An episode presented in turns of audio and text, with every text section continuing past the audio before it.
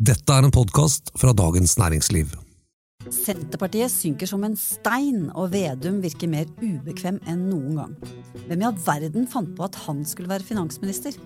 Og kontrollkomiteen er ikke fornøyd med Stoltenberg-svarene fra regjeringen.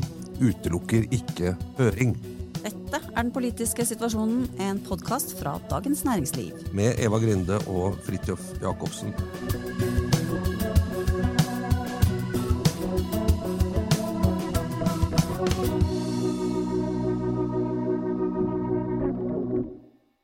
I dag så skal vi også svinge innom en sak, eller et sakskompleks, som vi har eh, snakket om eh, flere ganger tidligere, nemlig den nye lederkabalen i Høyre. Men først ja, Stoltenberg, Vedum. Vedum, Stoltenberg, Vedum som finansminister, Vedum som direktør. Hvor skal vi begynne? Nei, altså Vi kan jo begynne med hvem var det som fant på den absurde ideen at uh, Trygve Slagsvold Vedum ville være en god finansminister? Hvis man hadde spurt Vedum, så ville han sagt at i en sånn prosess er det veldig vanskelig å tidfeste når hans eget navn dukket opp, tror jeg man kan si. Nettopp. Ja. Ja, det er veldig vanskelig. Det, det, har antagelig bare svirret rundt, og plutselig så hadde det festet seg litt sånn umerkelig og mystisk. Så ble det slik. Så ble det slik. Det er jeg, eh, jeg er litt sånn Er det finansministerposten, eller er det det å være partileder for Senterpartiet med regjeringsmakt og ansvar versus å være i opposisjon? Eh, her er det noen interessante spørsmål og hypoteser. Ville det gått bedre for Senterpartiet hvis Vedum f.eks. var kommunalminister? Eller eh, Akkurat, næringsminister? Ja, altså kanskje. Fordi jeg, jeg, tror åpenbart det er et problem å gå fra den, den eh, rollen som, som eh, opposisjonspolitiker, som jo Vedum spilte veldig, veldig godt. En lang stund, i hvert fall. Og, og til å, å, å, sitte med regjeringsansvar. Men så er det liksom den, kanskje den, den verste posisjonen i regjeringen med det ansvaret, er den finansministerrollen, da. Som du har minst, egentlig. Eh, rom til å kjøre fram egne saker og eh, ja, hvor, hvor, hvor, man egentlig krever en helt annen type politikerrolle enn det han har vært. Da. Mm, mm. Og har gjort seg stor og sterk på, og har gjort Senterpartiet stort og sterkt på. Så det, det, det, det er liksom jeg, jeg, Avstanden mellom den politikerrollen han hadde med å, med å få, få fram Senterpartiets vekst Eh, de siste årene, ikke sant? og også i valgkampen et langt stykke på vei. Eh, og til rollen som finansminister i en regjering, den er ganske stor. Ja, og så, så kan man jo si at eh, eh, Siv Jensen, som jo også kom fra et utpreget skal man si, eh, høyrøsta parti, eh, og som og som jo ofte presenterte lettvinte løsninger, eller enkle løsninger på komplekse problemer, og, og ofte kanskje litt som Vedum også ga et inntrykk av at eh, politisk makt er så altomfattende at det meste kan løses, bare vi kommer i posisjon. Eh, så er det bare å sette i gang, så kan vi gjøre ting. Hun tonet jo før 2013, så tonet hun jo Frp på en måte gradvis mer og mer ned mot realiteter. Eh, altså, det ble liksom ikke sånn vi fikser alltid en håndvending, alt kan fikses, det er bare de andre som står i veien. Men, som gjorde at fallhøyden da hun gikk inn og ble finansminister, var ganske lav. For det som skjedde da, var jo ikke at Frp begynte å synke som en stein. De klarte seg ganske godt. Eh, de klarte seg jo faktisk i fire år, og gjorde valget i 2017, som var omtrent like bra som i 2013, og, eh, og ble gjenvalgt. Eh, mens Vedum har jo bare gått på tidenes smell, og partiet hans. Så det er, men jeg lurer på om forklaringen ligger litt før de faktisk vant valget. At, ja, at du har gitt folk urealistiske forhåpninger om hva det er du faktisk kan løse.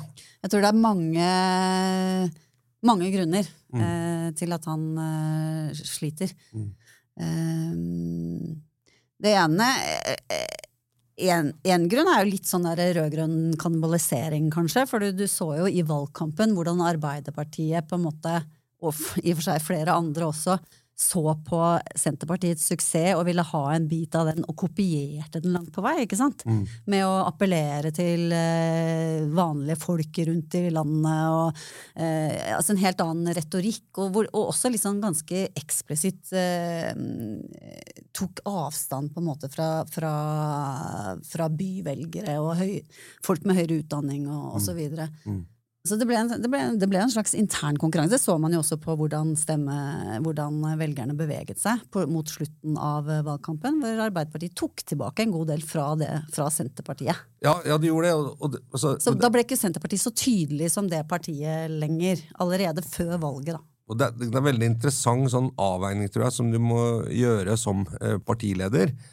er jo at eh, Veien til å på en måte engasjere, mobilisere for stemmer, er jo sette ord på ofte eh, det folk oppfatter som urettferdighet, skjevhet, problem, irritasjon med tingenes tilstand.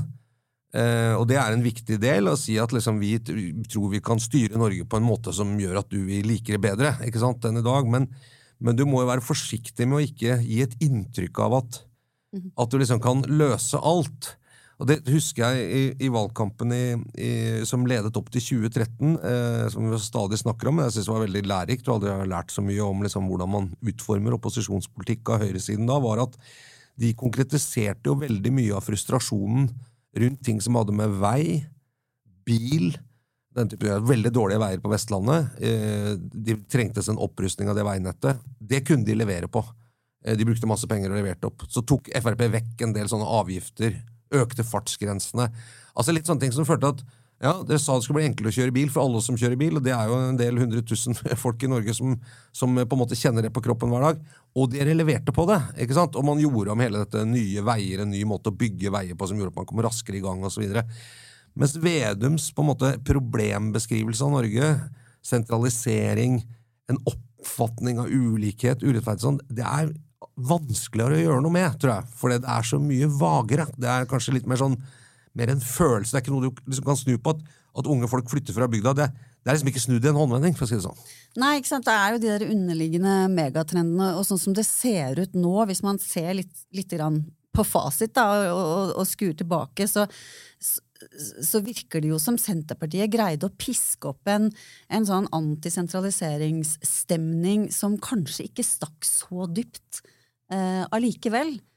Ja, det, det, tror jeg er et veldig godt poeng. For at en ting som er litt merkelig eh, Jo, det, Frp har jo liksom fått bitte litt mer, men det går ikke så veldig bra for dem. Rødt har jo gått uh, ganske mye opp.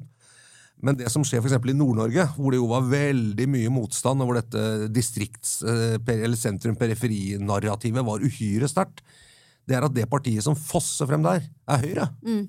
Og det er jo akkurat det samme Høyre som på en måte var hovedfienden eh, i, eh, før valget.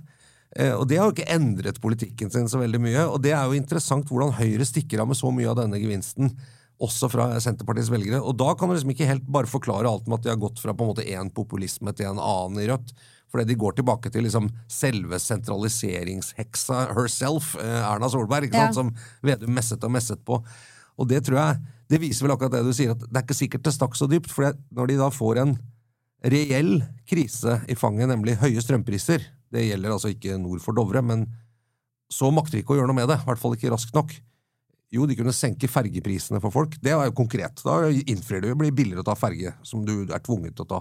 Men når strømprisene kom, så klarte de ikke å reagere. Og da, da ble det som alt de hadde lovet, plutselig litt sånn Hvis de ikke fikser det ja. engang, ikke sant? Hva skal vi med dere da? Det tror jeg er litt uh, ja. Og det er en, det er en vanlig folkkrise, så det holder òg. Mm. Disse akutte krisene som, som denne nye regjeringen har fått på bordet, har jo på en måte feid unna uh, sakene som de nå egentlig hadde lyst til å ta tak i. ikke sant? Og nå skulle de reversere og tilbake, dele opp fylkene igjen. og uh, og Nesna og diverse mm. politi- og domstolsreform og, og alle disse tingene har ikke fått helt den samme oppmerksomheten, naturlig nok. Fordi at de har jo da eh, fått to eh, Særlig, særlig strømkrisen, men også i og for seg omikron, som jo kom litt uventet. Eh, og ingen av de krisene er jo særlig sånn Senterparti-distriktsvennlige. ikke sant? Altså De som virkelig sliter med strømproblemet, er jo folk i, i Sør-Norge og i, de, i, i store byer og osv. I hvert fall ikke i nord og i distriktene. Nei, Eh, og samme gjelder for så vidt også omikron. Eh, og og eh, koronakrisen, ikke sant? Den er, eh, ja, nedstengningen er jo mer brutal i en by, for det, den merker du Ja, og mye mer. smitten. Ja. men og altså også ja. fordi Ja, ikke sant? Men, men, tett- men akkurat strøm er jo litt mer sånn Altså, eh, i, i- møte med høye strømpriser så er det jo faktisk eh, veldig mye rimeligere å bo i leilighet, for du har mye lavere strømforbruk enn du vil ha hvis du bor i et svært hus som Ja, du må du fyre opp. Ja. Eh, og så er det jo altså, Svære hus på Østlandet er ikke noe særlig. Nei, altså gården til Vedum, for eksempel. Eller Mm. hvis du er gårdbruker, så bruker du jo ganske mye strøm for bygninger osv. Så, videre. så så da kan du si det er liksom enebolig, eh, og særlig gamle hus, da, som, eh, som kanskje litt, eh, har litt gamle vinduer, og hvor liksom du må varme opp ganske mye. Hvis du, hvis du er avhengig av strøm der, så tror jeg du vil merke det. Men den Da vil de regningene bli mye høyere. da, den, som, de, som de profitterte en god del på, den, den er ikke der, i hvert fall. Men Den, interess interessant nok er jo folk i Nord-Norge hvor det er billig strøm, også utrolig sinna på strømprisene. Så det, jo- Ja. det sier jo noe også. Ja, men det er fordi de er redd for at man skal begynne å, å bygge sånne kabler mellom nord og sør. Ja. Sånn at de også skal begynne å betale for den dyre strømmen. Jeg tror kanskje at noen tror de har høy strømregning, selv om ikke de har det. For man har lest så mye om det i avisa, ikke sant? at det er så høye strømregninger. Jeg vet ikke. Jeg tror ikke de sjekker. Nei, jeg vet ikke. Jeg vet, hvor mye har du, pleier du å sjekke strømregningen? Ja, nei, nei. vel og går baki der, Jeg liksom? pleier ikke, men jeg har begynt, Ja. for å si det sånn. Eh, og så funnet ut at man kan jo finne ut hva, hva man brukte liksom, hvilken tid på dagen hver eneste dag, og så videre. Så det er interessant. Men, men tilbake til det med finansminister, syns jeg er ganske interessant. og det Jeg tror jo ikke at vi kanskje får noen sånn rokering i regjeringen så, så kort tid etter at den eh, tiltrådte, men, men ja, sånn, eh, kanskje før sommeren eller et eller annet, så kan det hende vi får en rokering. Eh, og det er jo spennende å følge med på om, om Vedum bytter departement. Men du er enig? Han ser ut som han mistrives. Ja, det er jo ikke noe Veldig. arena Ja, og nå er jo Når vi så denne berømte spørretimen i Ja. Stortinget som mange påtatte, hvor han skulle svare på kritikk mot Strøm og sånn, alt han gjorde var å gå tilbake og si at eh, det er forrige regjeringens skyld. Han brukte liksom akkurat den samme måten å snakke på som han gjorde han var i opposisjon, og det, det ser jo liksom litt uh, Ja, også denne andre saken Ja. også med, med, med at det var imot eh, EØS-reglene å gi støttepakker videre, ikke sant. Og, ja, Ja, så var det ikke helt det. altså. Ja, og nå blir han jo kjørt på da den Stoltenberg-ansettelsen. Mm. ikke sant? Det, men det er jo noe med at uh, Jeg tror det er uh, det er når det går så dårlig, og når målingene altså, Målinger er bare målinger, det er valg som teller, selvfølgelig, men, men det sprer seg en uro. og jeg, jeg tror det er sånn Man blir vel, kan lett begynne å lete etter alt og tenke hva, hva er det vi gjør feil? Er det alt? Og så kan det av og til være forbigående, eller det kan være små ting.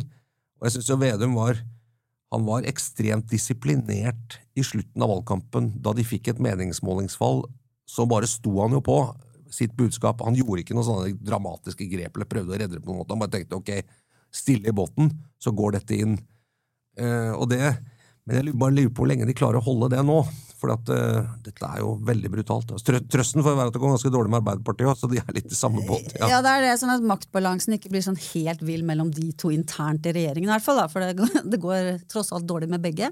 Men vi kan jo prøve å svare no, noe på dette spørsmålet. Hvem var det som, hvem var det som eh, fant ut at han skulle bli finansminister? For det, er- jo en sånn, det er jo eh, en tradisjon blitt, det da. At det er liksom lederen av, det, av et av de mindre partiene i regjeringen som skal, som skal bekle eh, finansministerrollen. Ikke sant? I hvert fall i begynnelsen. Syv, ja, ja, ja, ikke sant. Det, ikke sant. Du hadde Siv Jensen, så hadde jo Kristin Halvorsen fra SV også. Ja. Og, og hun også har jo noe, hadde jo noe av den eh, endringen fra å være leder av et eh, klassisk opposisjonsparti til å, til å raskt eh, på en måte innta den ansvarlige pengebingestyreren. Ja, ikke ja, sant? ja.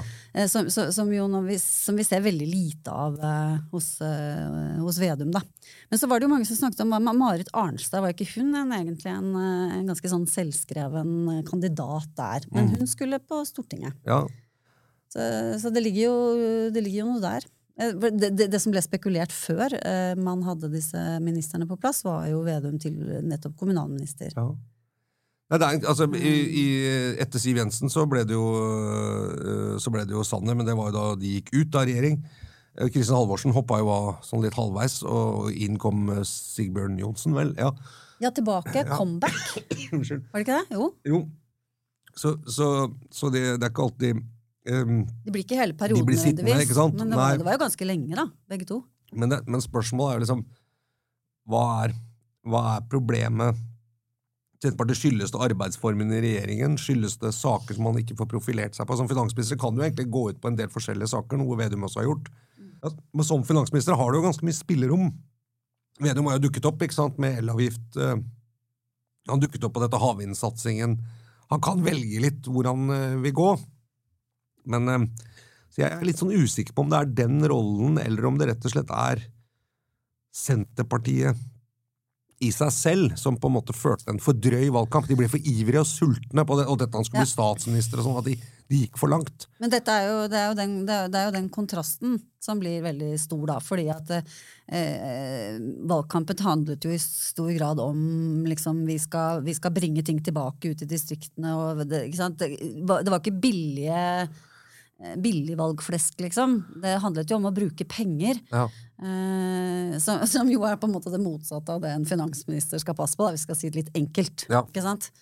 Eh, som møter blir- seg selv i døra så veldig. Og så jeg har følelsen at han liksom blir litt sånn lammet. da. Litt handlingslammet av det, rett og slett. Vet ikke helt hvordan han skal ta det. Nei, du, blir- du blir jo på en måte en del av sentrum da, når du blir finansminister og sitter i regjering. Da, Ja. da kan du liksom ikke gå og kalle deg periferi lenger. Det er, er ikke så lett. Nei, han ville jo gjerne inn i regjering, det er det ikke noe tvil om. Ja, han har jo vært i den bobla eh, store deler Ja. av sitt voksne liv, så, og vært i regjering før òg. Men, men det er interessant, og kanskje er det et skille med at Senterpartiet før var et veldig avklart interesseparti, bortsett kanskje fra EU-saken eh, og sånn, hvor de ble veldig store, men kanskje litt kunstige, men at de, var, men at de har vært veldig sånn Vi har helt klare interesser som vi betjener, som vi sørger for. Kommuneøkonomi, eh, landbruk, mat, ikke sant? matproduksjon. Eh, små kommuner.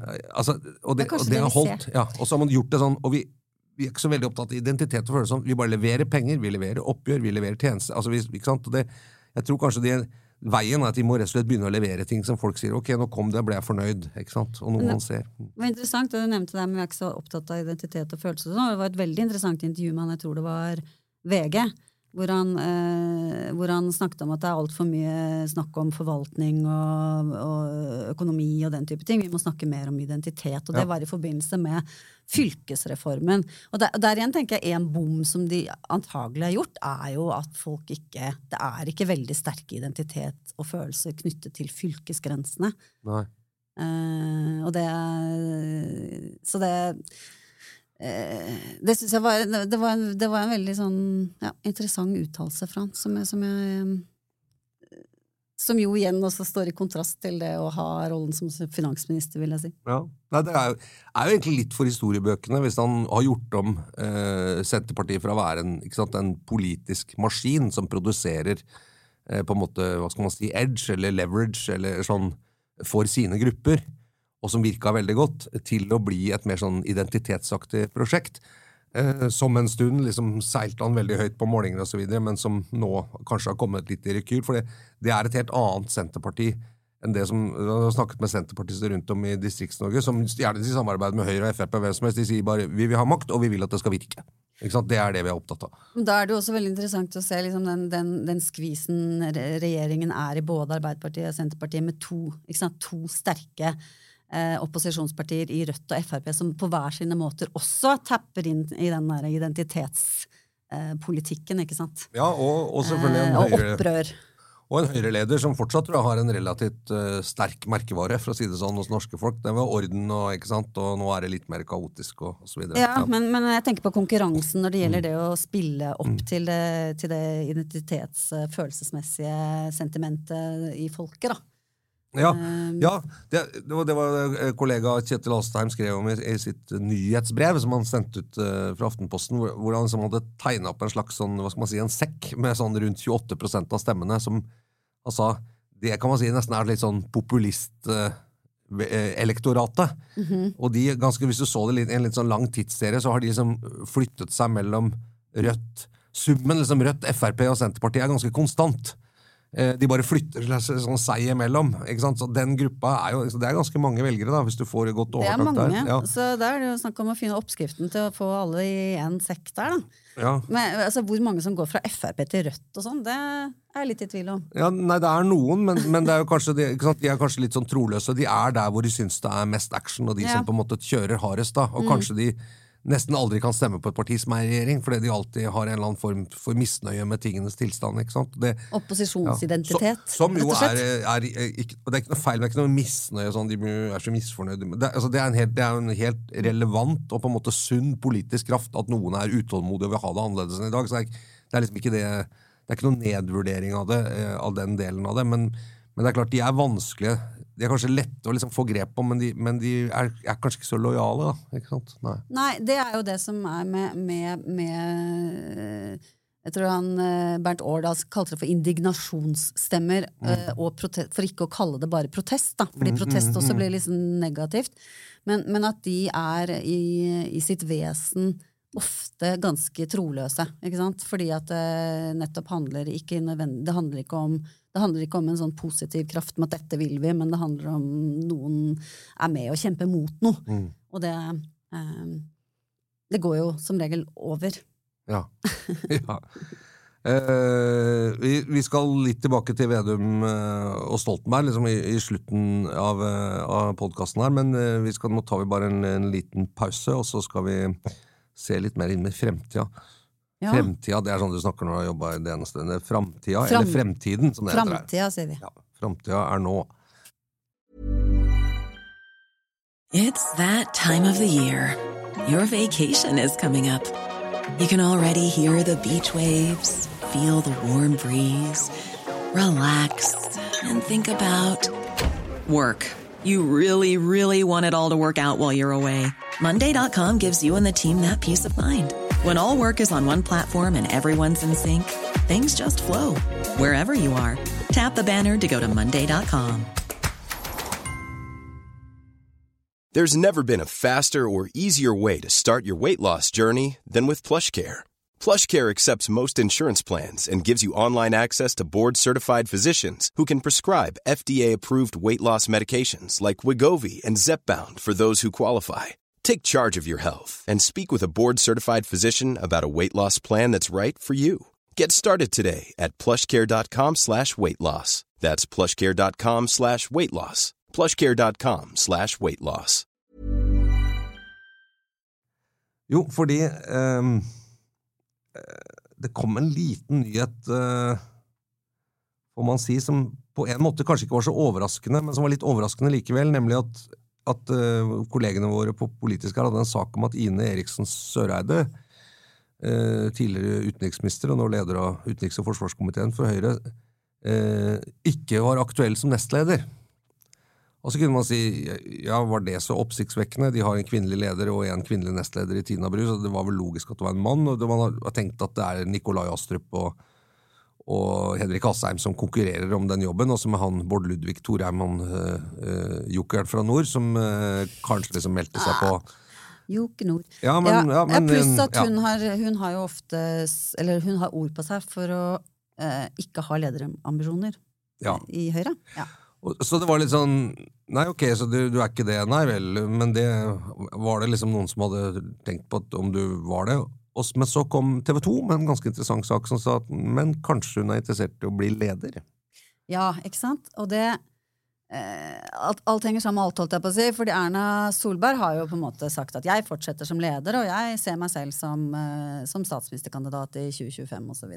Mm. Men så hadde TV 2 en, eh, ganske interessant og eh, i hvert fall virket ganske godt belagt med, med mm, anonyme kilder, da, riktignok.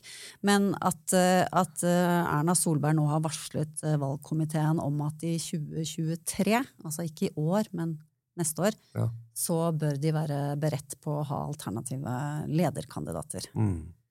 Um, og da kan det være litt sånn interessant at um, Ine Marie Søreide også da skal ha sagt til samme valgkomiteen at um, jeg er eh, ikke eh, interessert i nestledervervet, men, men interessert i å sitte i Høyres ledelse. Kan være aktuell for det. Kan kanskje, være aktuell Ja, for det.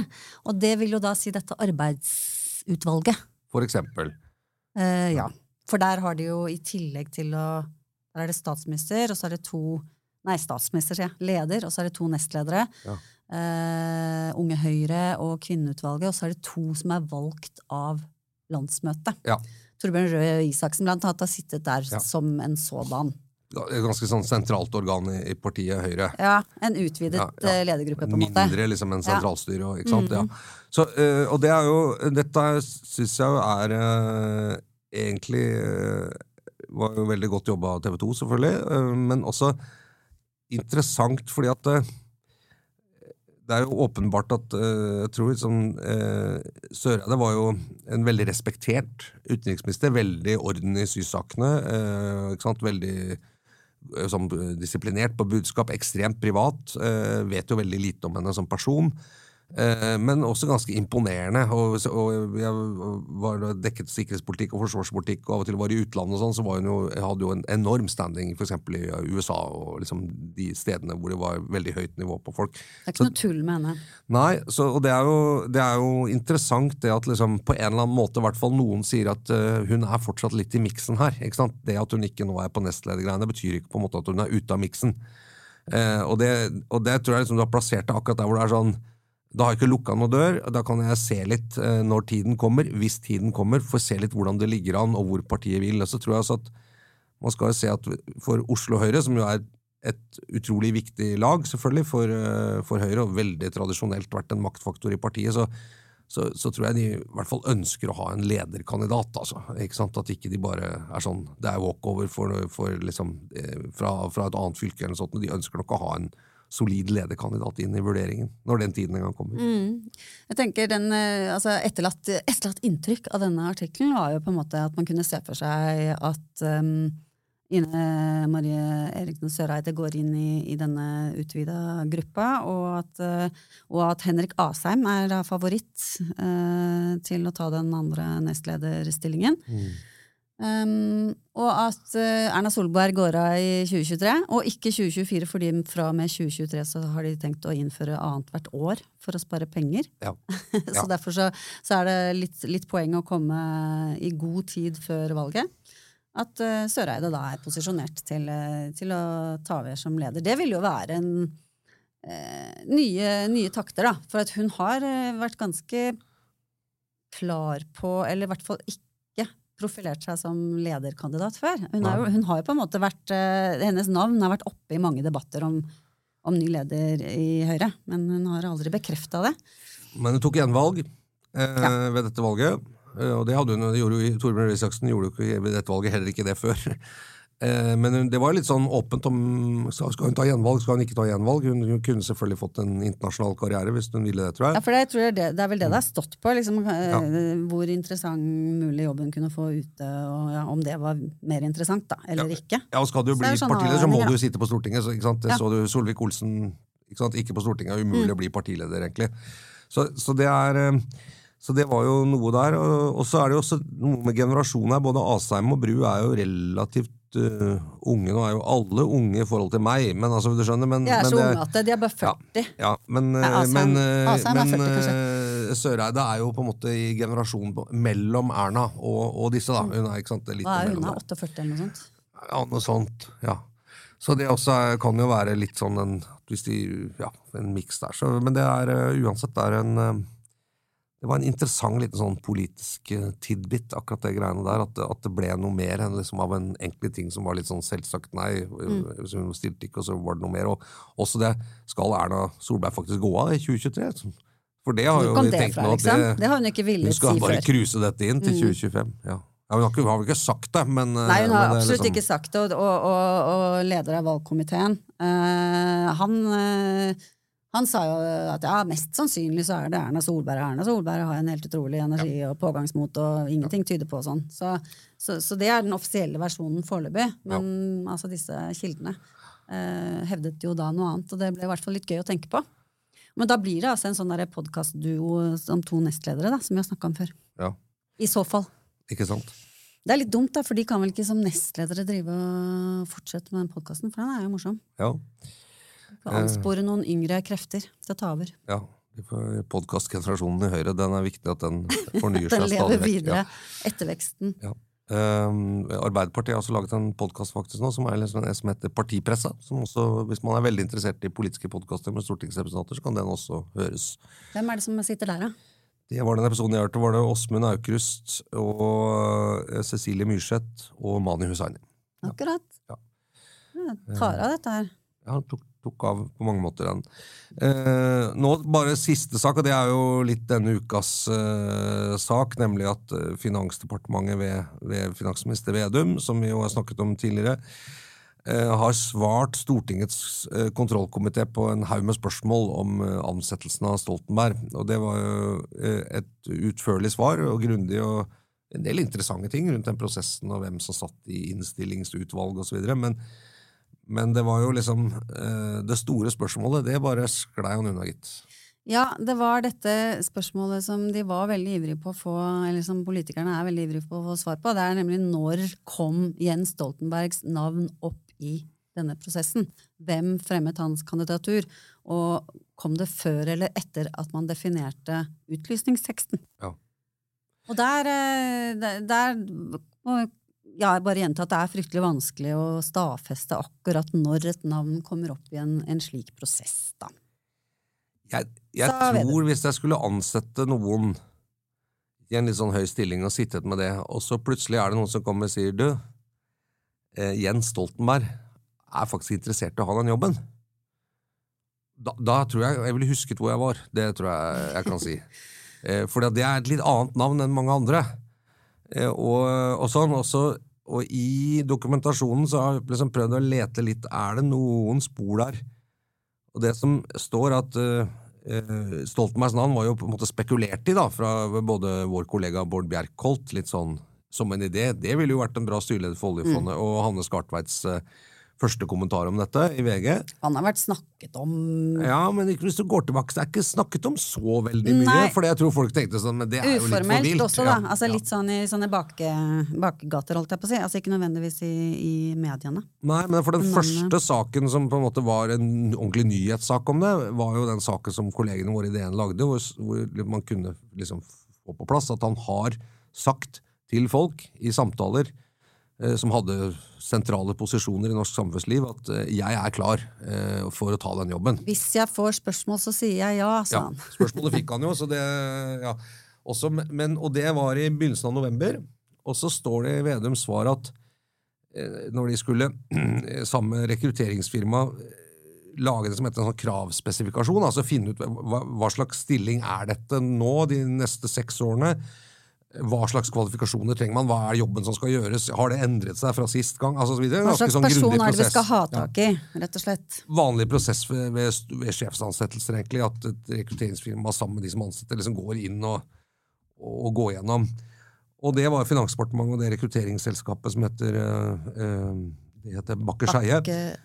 Eh, og da sa de i den prosessen, når de snakket med mange i alle liksom, øverste embetsverk i Finansdepartementet, i banken, eh, når sentralbanken, hovedstyret, når oljefondet osv., så, videre, så kom det opp en del aktuelle kandidatnavn. Og dette prosessen skjedde da i oktober, skjedde altså før DN skrev at vi hadde dokumentert at Stoltenberg hadde sagt at han var interessert i å ha jobben. Og der kan man jo ane et spor om at kanskje navnet ble spilt inn der. Ja, og, og enda mer eh, interessant er det jo at eh, de snakker jo om hvem det var de snakket med i denne prosessen, og det var inntil eh, et tyvetalls mennesker, inkludert f.eks. oljefondsjef eh, Nicolai Tangen, eh, sentralbanksjef eh, nåværende Øystein Olsen osv. Og, så og begge disse to eh, for eksempel da, jo, har man jo gjennom, eh, gjennom Har man jo fått vite at snakket om Jens Stoltenberg som en mulig kandidat. Og hadde snakket med han. Nikolai, ja, Nicolai Tangen sammen med Jens Stoltenberg på en middag hos Knut Brundtland i januar allerede. Ja. Og, eh, og i august, da, da, Øystein Olsen hadde erklært eh, sagt fra at han skulle slutte, så ringte jo Jens Stoltenberg han ganske um- umiddelbart, Ja. har han selv fortalt. Ja. Eh, ikke noe galt i det. Hvis du er interessert i en jobb, så ringer du og hører liksom, hvordan, hvordan er den jobben. og sånn er det å være sentralbanksjef? Ja, liksom, ja, man må jo ja. få vite det. Er det mulig? Eh, men, men, men, det, ikke det, og sikkert flere, og hva vet vi, kanskje flere også av de. Ikke sant? Så det, det er jo ikke umulig at det var noen Uh, av de inntil 20 menneskene som da departementet slash hodejegerfirmaet snakket med, som var ganske entusiastiske for Stoltenbergs kandidatur.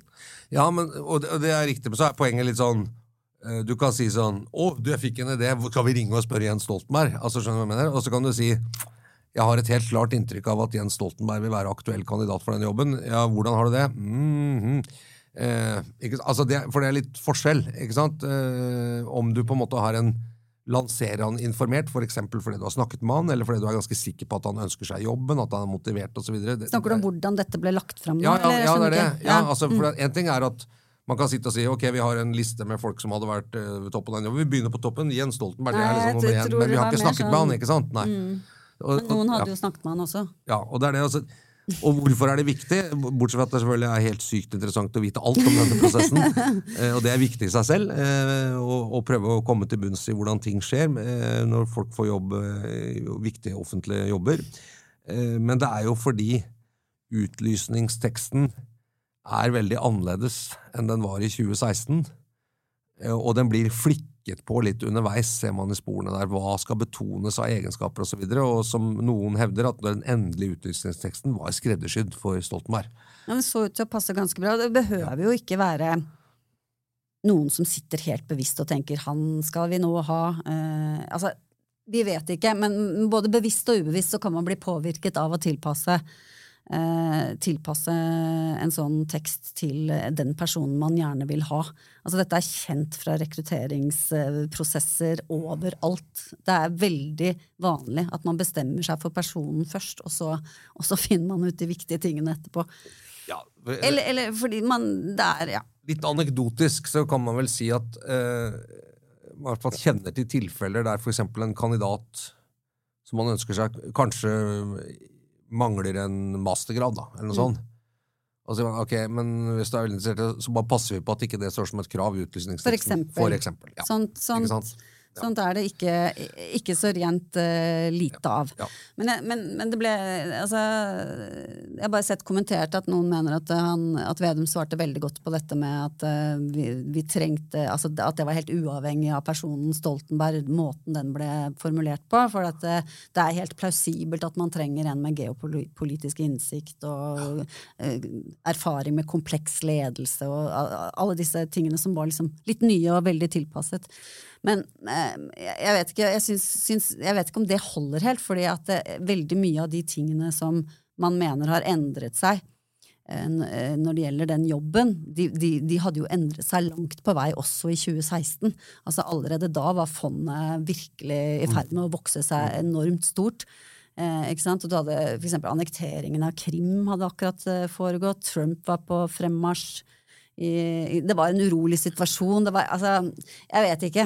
Eh, men da kan det jo hende at de, det var opportunt å, å, ut, å liksom forlenge åremålet til Øystein Olsen, og ikke noe vits i å legge så mye vekt på de tingene. For eksempel. Det kan det Ja, hende. og det er sant? også interessant i så fall. Så, så det er, men, så det er, men, eh, men det må, jeg tror egentlig jo mer etter den utnevnelsesdagen, så vil jeg si at jeg syns egentlig at det skal Vedum ha for, der var at han sa at eh, han mener jo gevinsten ved å kunne bruke Stoltenbergs erfaring i denne jobben er så høy, han er så overbevist om at det er så mye gevinst i det for Norge, at det eh, krysser foran eh, de politiske problemene og dette bindingsregnet, som han erkjente på en måte var vanskelig. Eh, og det er egentlig en fair avgjørelse å si ja, men jeg mener fortsatt at liksom, hans kvalifikasjoner er så sterke eh, etter det vi mener banken trenger, da.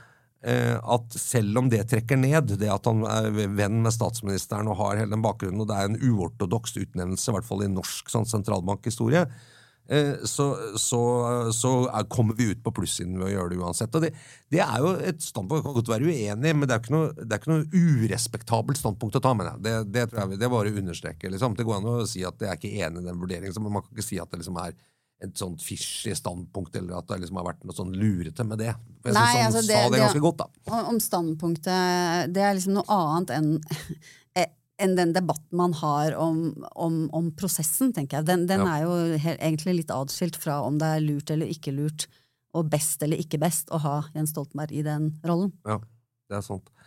Eh, Det kommer flere spørsmål, eh, og da kommer flere svar. Kanskje det til og med kommer noen svar. Det kan hende. Ja. Vi er så heldige. Det kommer i hvert fall noe tekst, det vet vi. Ja. Og den skal vi sikkert snakke om i neste utgave av Den politiske situasjonen, som er Dagens Næringslivs ukentlige podkast om politikk, eh, med Eva Grinde og Fridtjof Jacobsen. Og produsent eh, har som vanlig vært Oskar Bremer. Vi høres igjen neste uke.